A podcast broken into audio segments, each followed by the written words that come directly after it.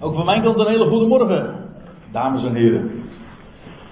Jongens en meisjes, eh, beste vrienden. Na zo het een en ander al gehoord hebben over dat geweldig design dat God gelegd heeft in zijn schepping, wil ik u nu meenemen naar de gelaten brief, gelaten 2. En daarin komen we ook weer, maar dat geldt voor alles wat we van onze God weten en voor alles wat Hij gedaan en gesproken heeft, daar komen we ook weer design, ontwerp in tegen. En het thema, u ziet het hier, u ziet drie pilaren en dat wordt vanzelf nog wel even toegelicht straks vanuit de tekst. U ziet hier de titel Jacobus, Kefas, een andere naam voor Petrus en Johannes. En die drie namen, in die volgorde, komen we in dit gedeelte ook tegen. En wat is het belang daarvan? We zullen dus een, een deel van het relaas dat Paulus hier optekent over zijn bevindingen, over zijn eigen verleden, over de contacten die hij had met, met Jeruzalem en, en degene die daar uh, woonachtig waren, de twaalf apostelen. Dat wordt daar zo in beschreven.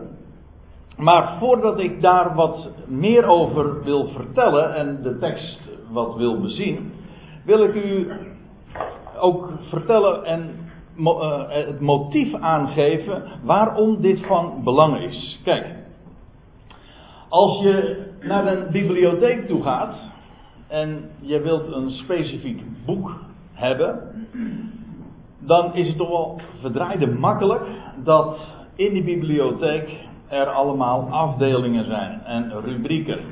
En dat daar een afdeling is voor boeken van voor jongelui van, ik noem maar wat, van 2 tot 6 jaar en, en, en van 6 tot 12 jaar. En het zijn, er zijn allemaal afdelingen. En er is een afdeling voor ruimtevaart en voor biologie, voor aardrijkskunde en voor geschiedenis. Allemaal gerubriceerd. Stel je voor dat al die boeken in die bibliotheek nou maar gewoon door elkaar heen lagen.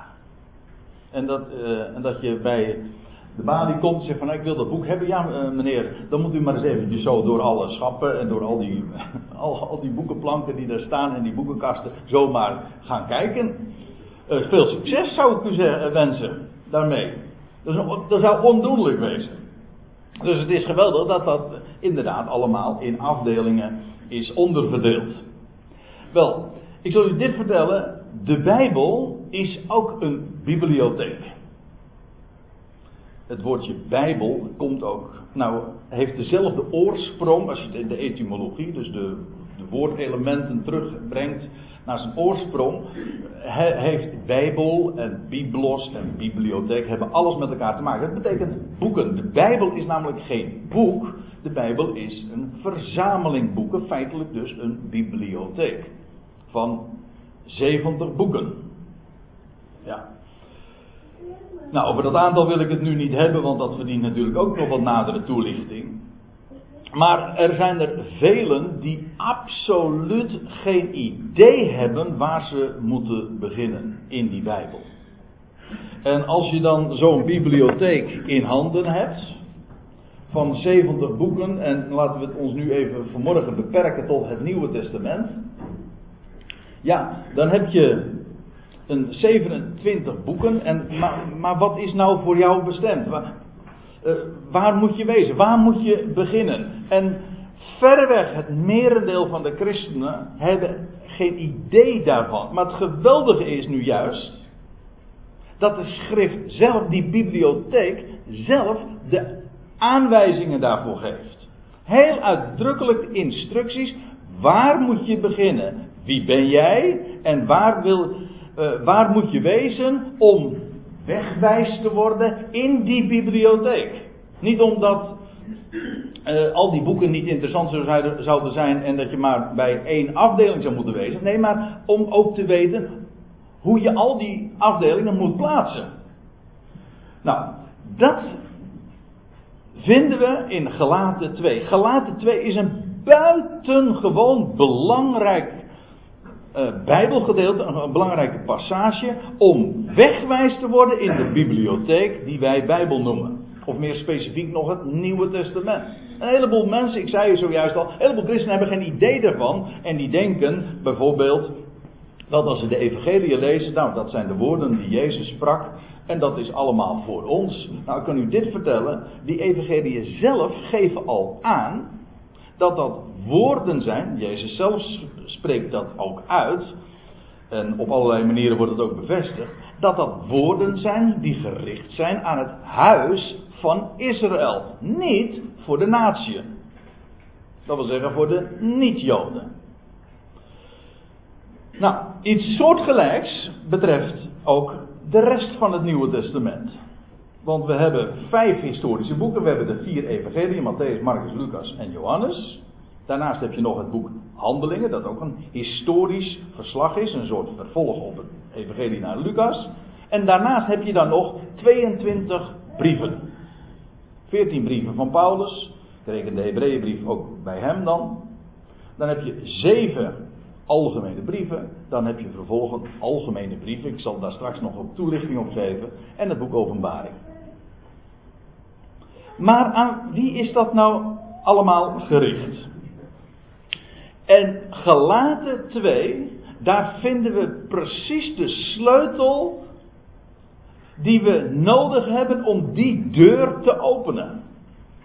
En dat is maar niet zomaar een willekeurig gegeven dat daar zo te vinden is. Nee, daar wordt een officiële afspraak gemaakt zelfs tussen de schrijvers van die boeken en die brieven die we in het Nieuwe Testament vinden.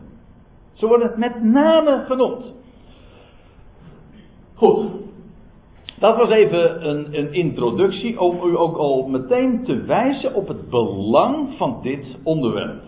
Zodat je weet, wat is dat Nieuwe Testament? Waar moeten we wezen en aan wie is wat gericht? Voordat ik dan bij die versen 7 en 8 en 9 en 10 aankom, wil ik toch eerst even aanhaken bij vers 1.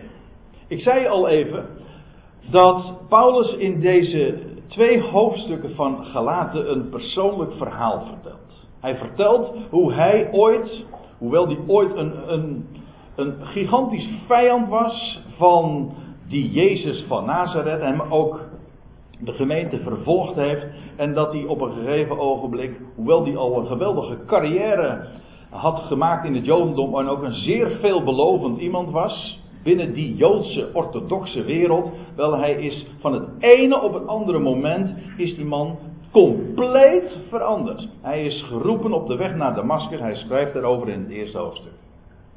De Heer zelf, de opgewekte Christus, waar mijn broer zojuist het al over had, hij die op de derde dag verrezen is, maar na veertig dagen heeft hij zich definitief, tussen aanhalingstekens, ontrokken aan het oog en is nu daar. Maar hij is aan Paulus verschenen. Toen nog Saulus en hij werd, kreeg vervolgens de naam Paulus. Nou. Goedemorgen Esther. Goed je weer te treffen joh. Maar goed, ik zal even de, weer verder gaan hoe Paulus uh, dus geroepen is. Maar wat hij in deze twee hoofdstukken uiteenzet, en dat is de, de grote rode draad door dat hele verhaal dat loopt tot en met hoofdstuk 2, vers 14.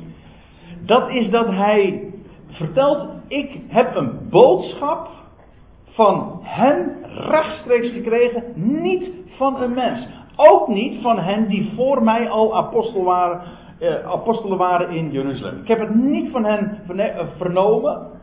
En hij, hij benadrukt en hij laat ook in zijn verhaal zien dat hij ook niet naar Jeruzalem is gegaan. Toen hij geroepen werd bijvoorbeeld eh, in, door de Heer, toen is hij niet meteen naar Jeruzalem gegaan. Integendeel, dat heeft nog jaren geduurd voordat hij daar eerst een keer kwam. En toen hij in Jeruzalem kwam, toen ging hij niet eerst contact zoeken met, met de apostelen om maar vooral uh, hun goedkeuring te krijgen. Nee, helemaal niets. Ja, hij, heeft, hij is nog een paar, hij twee weken is hij bij Petrus geweest, maar vooral om zijn verhaal te vertellen. Niet om door hem, door Petrus geïnstrueerd te worden. Nou ja, dat vertelt hij allemaal in dat eerste hoofdstuk. Nou, en dan lees je dan zegt hij, daarna ging ik na verloop van 14 jaar, dat wil zeggen nadat hij het eerst, na dat eerstgenoemde bezoek aan Jeruzalem, na verloop van 14 jaar ging ik weder naar Jeruzalem. Dat wil zeggen, dat heeft een hele tijd nog geduurd. Paulus kwam ook niet zo graag in Jeruzalem, want ja, dat was allemaal wat moeizaam. De boodschap die hij van God had ontvangen, ja, dat was een update feitelijk van de hele, na, hele uh, grote veranderingen ook in, in de geschiedenis. Hij heeft dingen vernomen die zo uniek waren. Die ook zo in wezen, in veel opzichten, haak stonden op wat die collega-apostelen vertelden. Nou ja, dan zegt hij, daarna ging ik na verloop van 14 jaar opnieuw weder naar Jeruzalem met Barnabas, zijn medearbeider, en nam ook Titus mee. Titus was een goy, een heide, een niet-jood. En ik ging op grond van een openbaring. Dat wil zeggen, ik, ik, werd niet geroepen door, door Jeruzalem, het was geen opdracht. Nee, de Heer zelf had mij dat bekendgemaakt. En, zegt hij, ik legde hun, daar in Jeruzalem, het evangelie, het goede bericht voor dat ik onder de natie, onder de natieën verkondig. Met andere woorden, hij bracht een boodschap. En ja, wat was dat voor een boodschap? Nou, dat heeft hij hen verteld. Dat was niet hetzelfde als wat die twaalf vertelden. Die twaalf die richten zich ook helemaal niet tot de natie. Die twaalf die richten zich tot de besnijdenis. Maar daarover straks meer. Dan zegt hij, afzonderlijk echter aan hen die in aanzien waren, omdat ik niet vruchteloos liep of gelopen had. Dat wil zeggen, ik heb het in het bijzonder speciaal uh, verteld aan degenen die daar vooraan staan waren, de leiders. Meer, in, uh, meer speciaal zou je de twaalf uh, daarbij kunnen denken. Maar zelfs staat er, Titus, die bij, die bij mij was, werd, of schoon hij een Griek was, toch niet gedwongen zich te laten besnijden. Kijk, dat is dan ook, en dat heb ik nog niet eens daarover vermeld, de achtergrond van deze gelaten brief is dat daar Galatië, dat was een landstreek in het huidige Turkije, daar, dat waren ecclesia's, eh, gemeenschappen die ontstaan waren door de boodschap die Paulus daar had verteld. En nu waren daar mensen, leraren binnengeslopen, want zo'n taalgebruik gebruikt Paulus dan, waren daar leraren gekomen die hen vertelden dat zij de Joodse gebruiken moesten onderhouden. Of in ieder geval, dan zouden zij op een hoger niveau komen. Je kunt wel gelovig zijn en, en, en, en geloven dat Jezus is de opgewekte Christus. Maar het gaat er nu, als je werkelijk verder wil komen, dan zou je ook moeten voegen naar de Joodse gebruiken en de Sabbat en de dagen moeten onderhouden die de Joden kennen. En ook als het even kan besneden worden. Nou, zulke gedachten leefden, leefden heel sterk. Maar uh, zij wisten daar in Jeruzalem, dat is niet aan de orde. Een mens wordt gerechtvaardigd. Dat was de duidelijke boodschap ook van de twaalf. Een mens wordt, is een rechtvaardige in de ogen van God. Niet door bepaalde gebruiken, maar door het geloof alleen. Door zijn hand te leggen op, op dat wat God in genade geeft.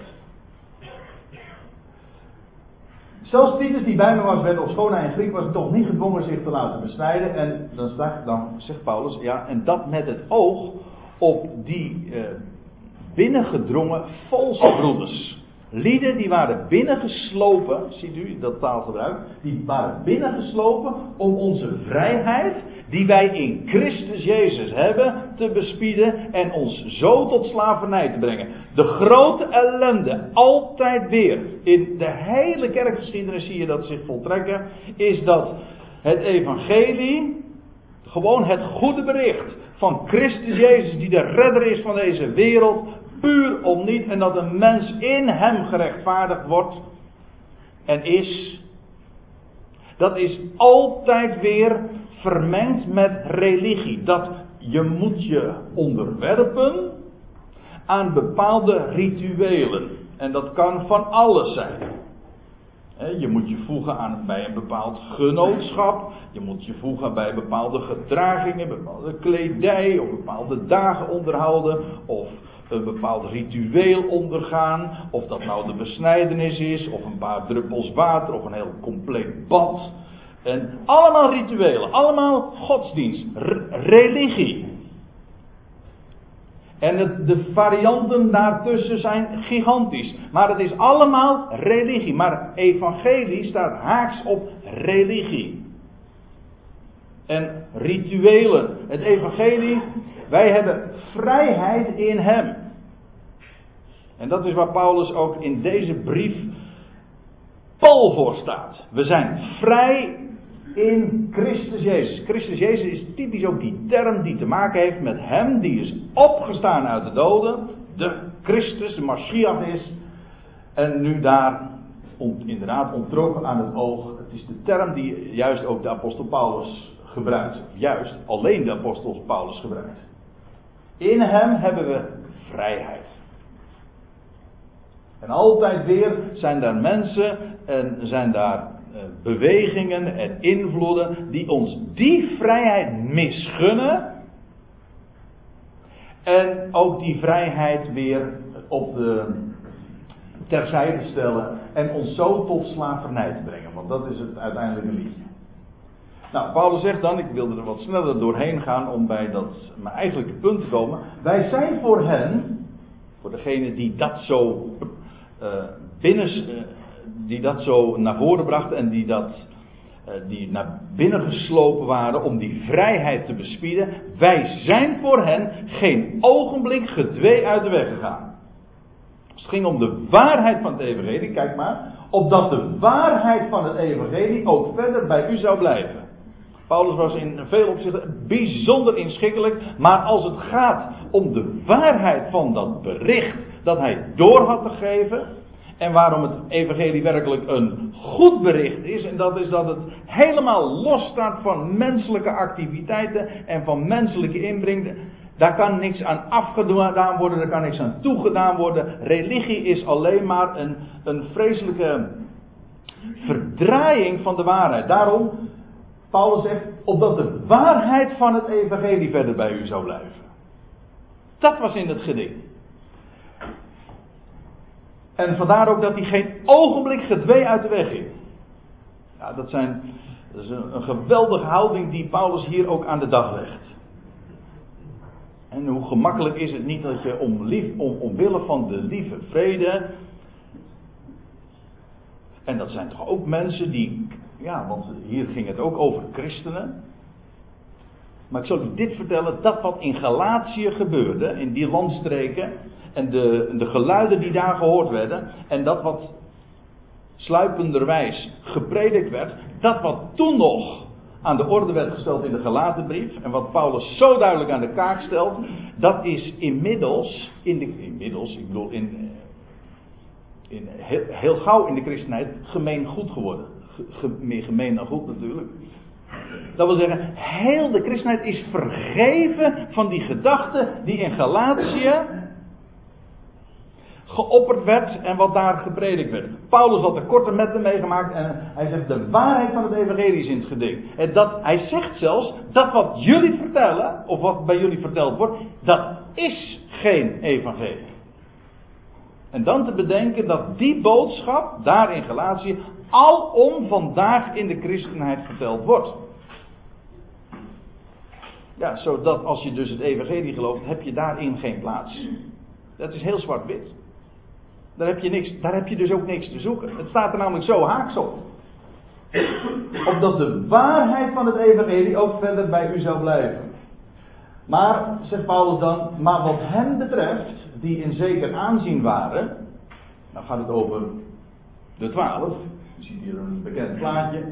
Ik, ik zet het er even bij om dat daarmee aan te geven. Dat waren de twaalf die ooit eh, in vroegere dagen met Jezus jaren zijn opgetrokken en zijn onderwezen. En dan zegt hij ook, wat hen betreft, die in zeker aanzien waren. Hij zegt erbij, wat ze vroeger geweest mogen zijn, doet er voor mij niks toe.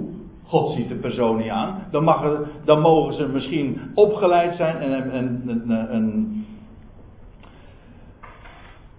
status hebben van aanzien de twaalf. En Paulus zegt dat helemaal niet denigreren, maar hij geeft ermee aan dat dat de boodschap die hij bracht en die hij van God zelf had ontvangen, of van Christus Jezus, want zo is het eigenlijk, als ik het goed en correct zeg, die is zo verheven, letterlijk en figuurlijk, rechtstreeks vanuit de hemel is het aan hem geopenbaard. Hij zegt, en als het daarom gaat, dan doet het er voor mij niet toe wat voor status en reputatie die twaalf hadden. En dan zegt hij, mij immers hebben zij, die in aanzien waren, verder niets opgelegd. Die twaalf, dat zal ik u wel, dat zegt hij er dan ook nog even bij. Die twaalf, die wisten, die Paulus is inderdaad geroepen door Christus Jezus. En ze hebben moeite met hem gehad, heel veel moeite. Petrus zegt het later in zijn tweede brief, ook aan het einde van zijn leven. Ja, hij zegt, ja, de broeder Paulus, onze geliefde broeder Paulus. Maar zijn geschriften zijn zwaar om te verstaan. Heeft er veel moeite mee gehad. Dat geldt ook voor die andere apostelen. Maar dat komt omdat Paulus' boodschap zo uniek is. Ja, dat is, ook dat zijn hele onbekende dingen. Dat, dat, dat die boodschap van Paulus uniek is. Men, men mengt het altijd maar, men mixt dat allemaal tot één geheel. Dat kan helemaal niet. Maar weet je wat je erover haalt? Iets kleurloos. En bovendien zie je dan ook niet meer waar het werkelijk om gaat. Maar in ieder geval, die twaalf die in aanzien waren, die hebben Paulus niks opgelegd. Ze wisten hoeveel moeite ze ook met hem hadden, en vice versa. Ze wisten, die Paulus is inderdaad geroepen. En de boodschap die hij brengt, die is, dat is de waarheid. Maar zegt hij dan, en laten we nu wat preciezer ook kijken. Maar in tegendeel, toen zij zagen, dat wil zeggen, het gaat er dus om, die twaalf hebben hem niks opgelegd. Uh, Integendeel, toen zij zagen dat mij de prediking van het evangelie aan de onbesnedenen toevertrouwd was. Nou moeten we eventjes goed inzoomen en even goed de puntjes ook op de i zetten. Want zo zegt hij het niet. Ja, in de vertaling wel. Maar, weet u, er staat letterlijk, ik zal het u laten zien. Er wordt hier niet u, ik heb expres die interlineaire eronder gezet en vooral op die tweede regel moet je letten. Dat is de meest letterlijke, in het Engels in dit geval, weergave van wat er staat. Er wordt gesproken over het evangelie van de voorhuid. Van de voorhuid is een beetje een technische term, maar dat betekent de onbesnedenen. Degenen die besneden zijn, die hebben geen voorhuid meer. En dus dat, dat, is, dat was de Joodse aanduiding van niet-Joden, de voorhuid. Ja, het is een beetje raar om dat zo misschien eh, te zeggen, maar ik kan het ook niet helpen. Zo eh, werd dat beschreven. Je leest van David dat hij het over Goliath, Goliath had, had hij het over die onbesneden Filistijn. Maar Paulus was het evangelie, het goede bericht van de voorhuid toevertrouwd.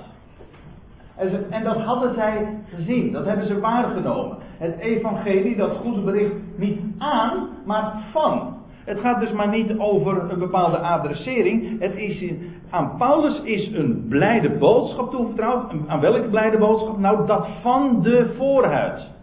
Dus een, het evangelie dat hij bracht was anders, geen ander evangelie, maar het was anders dan dat van de twaalf. Ik zal het u straks ook vervolgens laten zien, in dezelfde zin nog. Aan Paulus was het evangelie van de voorhuid toevertrouwd. Zij, u zult straks echt ook zwart op wit zien. Zij, en dan bedoel ik de twaalf in het algemeen en Petrus, die daar een vooraanstaande rol speelde, die predikte het evangelie van de besnijdenis. Aan de ene kant heb je daar dus het evangelie van de voorhuid en dat aan Paulus was toevertrouwd en het evangelie van de besnijdenis en dat was aan de twaalf toevertrouwd. Ja, want vergis u niet, daar gaat de Bijbel voor een groot gedeelte over. Over de enorme voorrechten die God heeft gegeven aan de, aan de besnijdenis. Aan het volk van Israël. Waar hij een verbond mee sloot. Waar het besnijdenis ook de bezegeling van is. En dan vraagt Paulus in de Romeinenbrief, Romeinen 3 vers 1. Hij zegt, wat is het voordeel van de besnijdenis dan? Dan zegt hij, velerlei. Immers, Zegt hij, in de eerste plaats toch dit. Aan hun zijn de woorden Gods toevertrouwd. Maar God had een geweldige toekomst ook voor dat volk weggelegd, nog steeds.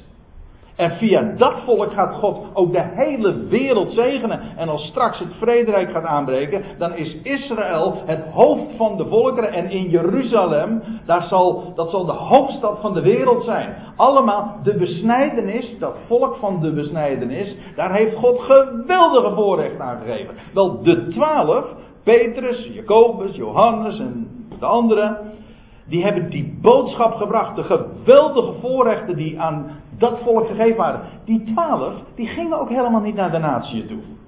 Ja, hier en daar, nou ja, bijvoorbeeld van een Cornelius, een vreemdeling in de poorten, die hoorde dat. Maar dat was op zich niks, zo, niks bijzonders. Maar dat kwam niet in hun hoofd op om, om naar heidenen toe te gaan. En als het dan een, keertje, een, keer, een keer gebeurt, nou dan was dat echt uh, wereldschokkend. Lees het maar na in het boek Handelingen. Nee, ze die twaalf die waren geroepen om, de, om Israël bekend te maken met die opgewekte Messias. En dat ze zou, tot geloof zouden komen in die, in die persoon. In, de, in hem die gekomen was en de vervulling is van alle Messiaanse profetieën. Wel, en als Israël dan tot geloof zou komen, dan zou het vrederijk aanbreken. Wel, dat was het evangelie van de besnijdenis. Maar Paulus niet. Paulus had een evangelie van de voorhuid.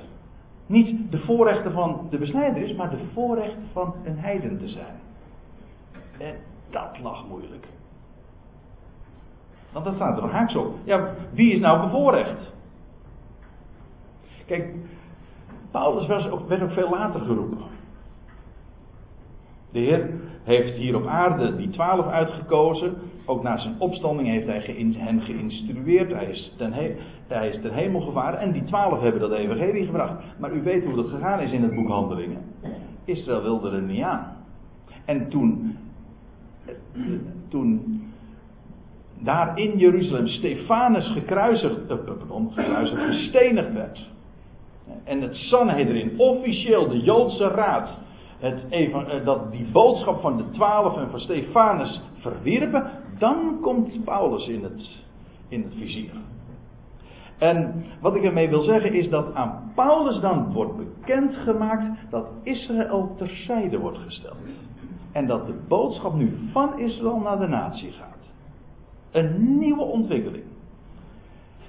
Dat heeft alles te maken met het evangelie van, van de onbesneden, of van de voorhuid. Let vooral op dat van de. Niet aan. Dat moet je echt doorkrassen, dat staat er niet. Nou, zoals aan Paulus het evangelie van de voorhuid was toevertrouwd, zo was aan Petrus, die toch model staat voor de twaalf, Gelijk aan Petrus, die aan de besnijder, maar ook hier ziet u weer, van de besnijder is. Dus je hebt hier aan de twee boodschappen, twee evangeliën. Het ene is het evangelie van de voorhuid, Paulus, en het evangelie van de besnijder is Petrus, als representant van de twaalf. Twee boodschappen. En alom wordt verteld, ja, maar dat is allemaal hetzelfde is allemaal hetzelfde evangelie. Dat is niet waar. Hier staat het zelfs heel uitdrukkelijk. Paulus was dit evangelie en aan Petrus dat evangelie toevertrouwd. Maar het was allebei van diezelfde Heer hoor. Alleen Paulus was de, laatst geroepene. Die heeft inderdaad, ik noemde dat woordje update, maar om daarmee ook aan te geven, dat was ook naar aanleiding van een hele nieuwe ontwikkeling. Israël was terzijde gesteld. En nu ging de boodschap naar de natie en Israël werd er inderdaad stond buitenspel. Een nieuwe ontwikkeling. En toen heeft God aan via Paulus ook een, een geweldige evangelie gebracht. Niet alleen maar dat, het, dat de boodschap nu naar de natie ging, maar dat allemaal genade is. En ook wat, dat volk dat God zich vandaag verzamelt. Een gemeente. Dat het lichaam van Christus is. Vind je niet bij de twaalf. Echt niet. Wel, wel bij Paulus. Dan moet je niet geen staafmixer eh, pakken en, en, en al die beide dingen bij elkaar gooien en dan allemaal roeren en, en mixen en, zodat het één geheel wordt. Nee, onderscheiden wat de schrift daarin ook onderscheidt. Lees even verder, vers 8. Immers, hij die Petrus kracht gaf om apostel te zijn van de besnijdenis, van de, van de besnijdenis. Ja, ik heb er dit plaatje even bij gedaan. Waarom? Om daarmee ook aan te geven hoe, hoe de christenheid compleet het spoor bijster is geraakt. Want wie, wie is Petrus nu voor, voor, voor miljoenen, nou voor bijna een miljard mensen? Is hij de apostel van de besnijdenis? Wel, daar hebben ze geen idee van. Voor hen is Petrus de eerste paus in Rome. En wat trouwens ook nog een, een, verhaal apart is, maar goed, daar zullen we het verder niet over hebben. Het gaat er even om dat mens denkt van dat Petrus een representant was, de eerste paus in Rome van de wereldkerk. Nou, dat kun je echt wel op je buik schrijven en met je hand er weer vanaf. Want die Petrus is geen, niet de eerste paus van de wereld. Hij was de apostel, een afgevaardigde van de besnijdenis. Hij hoort bij Israël. Het evangelie van de besnijdenis was aan hem toevertrouwd. Hij was een apostel van de besnijdenis. Dit hele verhaal is pure misleiding. Men denkt dat Petrus te maken heeft met de heidenkerk. Dat is juist niet zo. Hij is een apostel van de besnijdenis. En de Heer had hem daar ooit toegeroepen. Oké, inderdaad. Na verloop van tijd, Paulus was geroepen, lag de situatie er anders bij. De, er waren nieuwe ontwikkelingen, daar spreekt Paulus over. Maar Paulus geeft hem alle credits. Hij was geroepen, Petrus dus, uh, was geroepen voor de besnijdenis. Die roeping had hij. Volkomen terecht. En de Heer had hem daartoe ook de kracht gegeven. Hij die Petrus kracht gaf om apostel te zijn van de besnijdenis, gaf die kracht ook aan mij voor de heidenen. Dat wil zeggen voor de natie. Petrus' boodschap was beperkt. In die zin voor de besnijdenis. Die van Paulus was voor de natie. In het algemeen. Wie dan ook. Kende die beperking niet. Inclusief de Joden trouwens. Want de natie is hier niet alleen maar de niet-Joden, dat betekent gewoon voor de natie.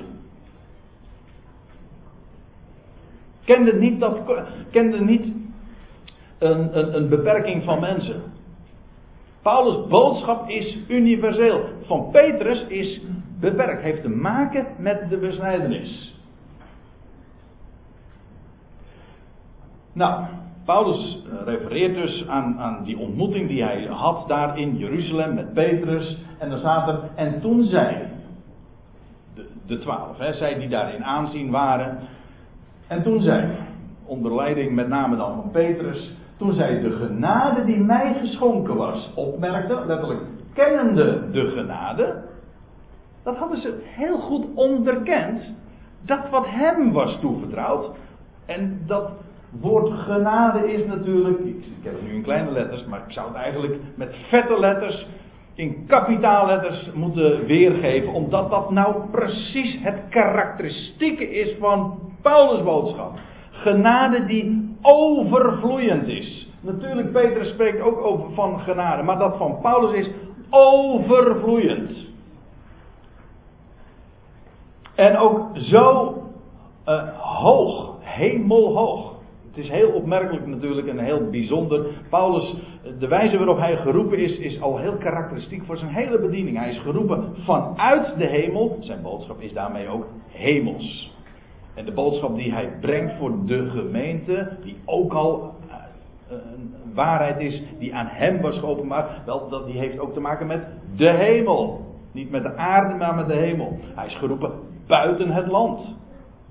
Niet in Israël, nee, maar op weg naar Damascus, buiten het land Israël. Dat is allemaal karakteristiek voor zijn boodschap. Wel, zij hebben dat onderkend. Die twaalf wisten dat. En toen zij de genade die mij geschonken was, opmerkten, of onderkenden, reikte Jacobus, Kefas en Johannes. En hier hebt u dus de titel van deze toespraak, van deze Bijbelstudie. Hier vind je ze alle drie op een rij. En wat valt hier nou in op? Als je een klein beetje weet, van het, uh, weet hebt van het Nieuwe Testament, wat weet je dan? Wat zie je dan aan dit rijtje? Denk je, hé, hey, Zo hebben wij ook de brieven van het Nieuwe Testament in die volgorde. In ons Bijbeltje. Daar heb je de brieven. Trouwens, ik moet erbij zeggen, maar dat is nu even een, niet eh, specifiek aan de orde, dus ik laat dat even, het. Ik wil er alleen even bij gezegd hebben, oorspronkelijk, in de oorspronkelijke manuscripten staan deze brieven, Jacobus, Petrus en Johannes, staan niet na de brieven van Paulus, maar voor de brieven van Paulus. Volgen direct op het boek Handelingen. Waarvan akte, maar voor de rest laat ik het nu even bij deze één opmerking. Het punt is dat deze geschriften van Jacobus, Kefas is dus Petrus en Johannes, die vinden we op deze wijze ook in die volgorde in de Bijbel. Waarom? Het herinnert aan deze afspraak. En Petrus was de representant, maar deze drie namen, ja, die zijn natuurlijk, uh, zoals het hier ook staat, die golden voor steunpilaren. Ze golden al voor pilaren daar in Jeruzalem. Zij waren de voornaamste onder de twaalf ook. Wel, Paulus heeft een ontmoeting met hem gehad. En Jacobus, Kefas en Job, Hannes worden hier, zo, hier genoemd. En Jacobus, u kent hem wel, hè? Ja, je, hebt, je verschillende Jacobus en ik wil het niet ingewikkeld maken vanmorgen. Maar uh, je had een Jacobus, dat was dan de broer van Johannes. Wel, die uh, was al vroeg in de geschiedenis, dat lees je ook in het boek Handelingen, uh, terechtgesteld. En er is een andere, deze Jacobus is een broer van Jezus, een, een halfbroer dus eigenlijk. Je, je vindt dat ook in hoofdstuk 1, Jacobus de broeder des Heren. Wel, die man was uh, een zeer prominent man in Jeruzalem. Hij was eigenlijk de leider daar ook. Van hem hebben we een brief in het Nieuwe Testament. Maar de meeste mensen hebben totaal niet in de gaten aan wie hij die brief richt. Terwijl het zo duidelijk is, ja, als je de hele brief leest. Maar het begin zou je niet moeten ontgaan, want in de adressering, Jacobus 1 vers 1, staat het er gewoon zo duidelijk. En mensen begrijpen dat niet. En ze le lezen eroverheen of ze negeren het verder niet van belang. En dan, maar wat zegt Jacobus? Hij richt zijn brief aan de twaalf stammen in de verstrooiing. Jacobus, Jacob, is staat, zijn naam staat eigenlijk al voor de twaalf. Het was immers ooit de, de stamvader ook van de twaalf zoon van de twaalf stammen. Nou, Jacobus richt zich tot de twaalf. Niet tot de kerk. Wat dat dan ook zijn mogen. Nee, hij richt zijn brief tot de twaalf. Petrus, dus die Jacobus, de Jacobus dus van de Jacobusbrief. Kefas. Kefas is het Aramees voor rots. En Petrus is het Grieks voor rots. Dus Kefas en Petrus is gewoon exact dezelfde naam. Ze worden hier ook door elkaar gebruikt. De een is Aramees, de ander is Grieks. Maar Kefas, die heeft ons ook twee brieven achtergelaten. De beide Petrusbrieven. En hoe is het met Petrus? Ook Petrus richt zich tot degene die in de, in de Joodse diaspora waren. Zo zegt hij dat ook in 1 Petrus 1 vers 1. Meteen de adressering is al volstrekt helder. En dan heb ik het nog niet eens over de inhoud waarin dat voortdurend ook bevestigd wordt. Maar Petrus richt zich tot de besnijdenis. We zagen het zojuist toch ook?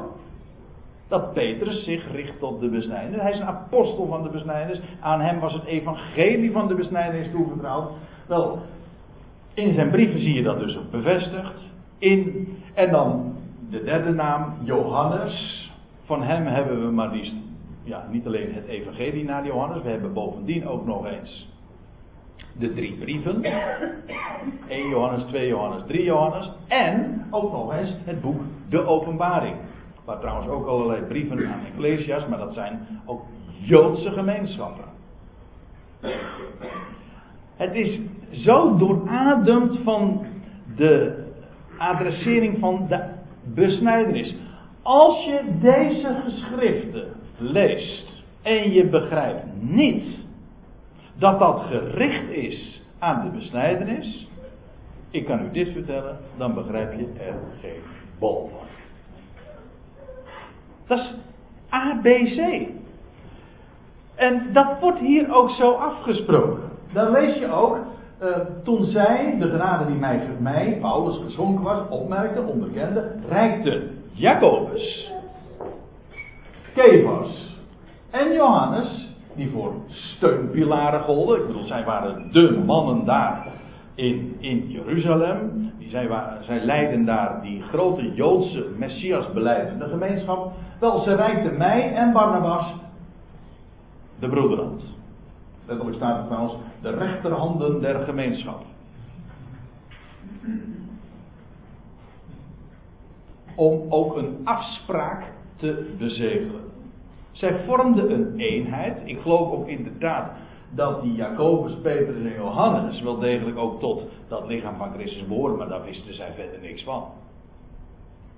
Ik zal u een paar voorbeelden geven dat ze ook inderdaad wel één gemeenschap vormden. Je leest in Efeze 2, vers 20 dat de Ecclesia vandaag gebouwd is op het fundament van de apostelen en profeten, terwijl Christus Jezus zelf de hoeksteen is.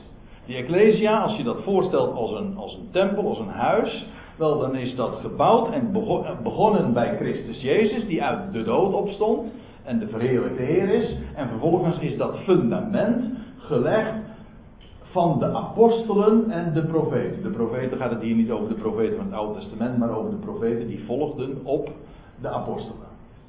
Zij die het woord van God doorgaven.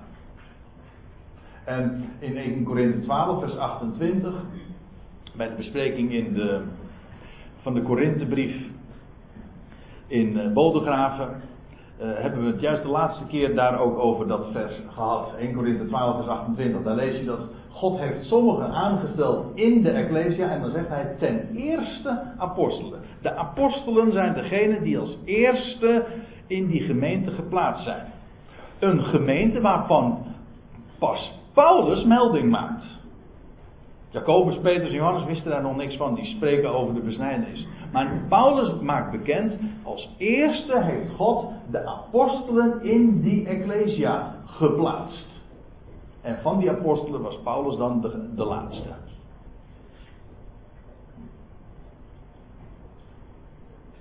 Dat wil zeggen de laatste in volgorde die geroepen werd. De hoogste boodschap, dat weer wel. Maar goed, eh, om dat even om te ondersteunen ook inderdaad dat zij één gemeenschap vormen. Het is, geen, het is geen tegenstelling in die zin dat, uh, de, dat Jacobus, Petrus en Johannes niks van doen hadden met Paulus. Integendeel, ze hebben elkaar de rechterhand der gemeenschap gegeven. Ze vormden een eenheid. Maar wat hebben zij nou afgesproken? De rechterhand hebben zij elkaar gegeven. En dan wordt er dit gezegd. Wij zouden naar de natieën, wij tot in de natieën. Het staat hier haast in, in telegramstijl geformuleerd. Zoals dat ook met een duidelijke afspraak moet. Paulus met het evangelie van de voorhuid. Die zou met zijn medewerker Barnabas naar de natieën gaan.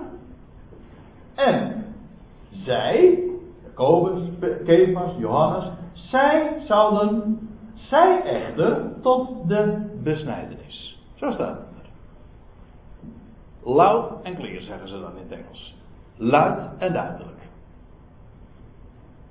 Zodat, als je het Nieuwe Testament leest, daarmee, je komt in die bibliotheek, dan worden we hier in Galaten 2 meteen de richting gewezen. Als je bij de natieën behoort, en wij in deze tegenwoordige tijd maakt God geen onderscheid tussen, tussen Jood en Griek. Dat verschil speelt nu totaal geen rol. Straks in de toekomst, weer wel hè, gaat dat weer, gaan die brieven van Jacobus, Petrus en Johannes weer een grote rol spelen. Zoals wij ons nu oriënteren op die, die brieven van Paulus, omdat dat juist gaat over wat God in deze tegenwoordige tijd doet. Hij roept zich een volk uit de natieën zonder onderscheid. En de twee zijn één gemaakt. Het verschil tussen besnijden enzovoort. Het speelt geen enkele rol. En vandaag vormt God zich een gemeente met een hemelse bestemming. Wel, wij moeten bij Paulus wezen. Hij spreekt daarover. En Jacobus en Petrus en Johannes. Zij hebben een boodschap die bestemd is voor de na. Pardon, nou zou ik mijn haast zelf die fout begaan. Zij richten zich tot de besnijdenis, tot Israël. Dat is zo belangrijk. In die brieven wordt dat voortdurend bevestigd. En weet u hoe ze die brieven dan noemen? Dat is ontstellend, hè? Dan noemen ze de brieven. Uh, ik heb een boekje in de kast staan, dat is uitgegeven door de EO. En dat gaat dan over de katholieke brieven. Zo worden ze genoemd. En dat zijn de brieven van Jacobus, Petrus en Johannes. En met Judas erbij, maar goed, die, dat hoort daar ook weer eh, bij. Laat ik nu eventjes rusten. Van Jacobus, de brieven, de brieven van Jacobus, Petrus en Johannes, dat noemen ze de katholieke brieven. Dat bedoelt, dat betekent de algemene brieven. Hebben geen speciale adressering. Forget it, denk ik dan. Die hebben juist een speciale adressering, namelijk heel specifiek aan de besnijders. Zo grappig, hè? Ja, je kan, het is droevig hoe mensen om de tuin geleid worden. Maar dan staat er in dat boekje, waar ik zojuist aan refereerde, in het eerste hoofdstuk, dan staat er, heeft dat als kopje met, als, met een vraagteken, uh, aan de besnijdenis, of voor de besnedenen. En dan, en dan gaat de schrijver onder andere op deze passage in, en dan, zegt, en dan staat er zo duidelijk, de afspraak is volstrekt helder. En dan zegt hij van, toch zou ik niet durven zeggen dat de brieven van Jacobus, Petrus en Johannes gericht zijn aan de besnijdenis. Onmogelijk. Ja, hoe een mens ziende blind kan zijn. De afspraak is volstrekt helder.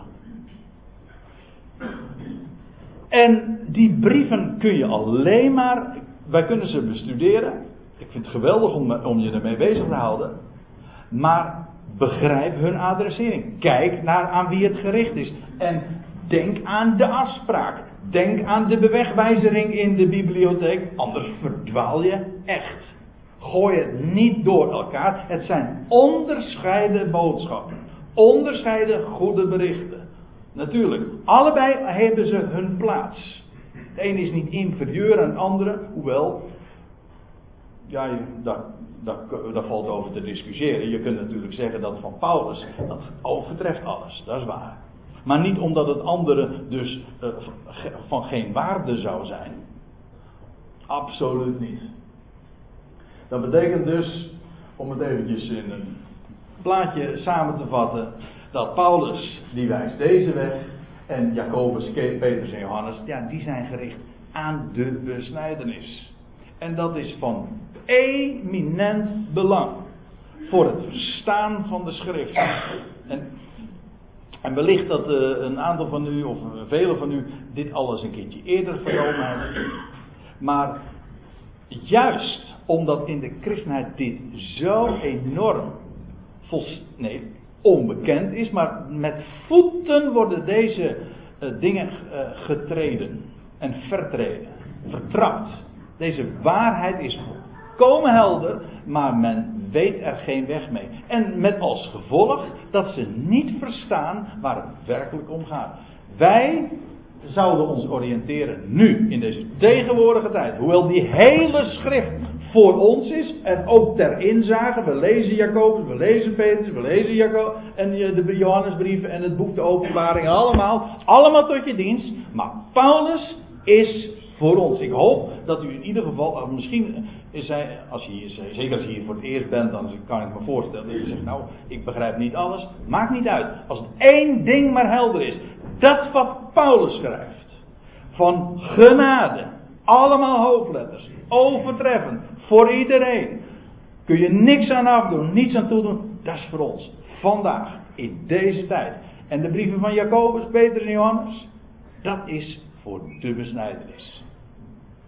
Zullen we daar even bij houden voor vanmorgen? En dan zingen we nog een lied.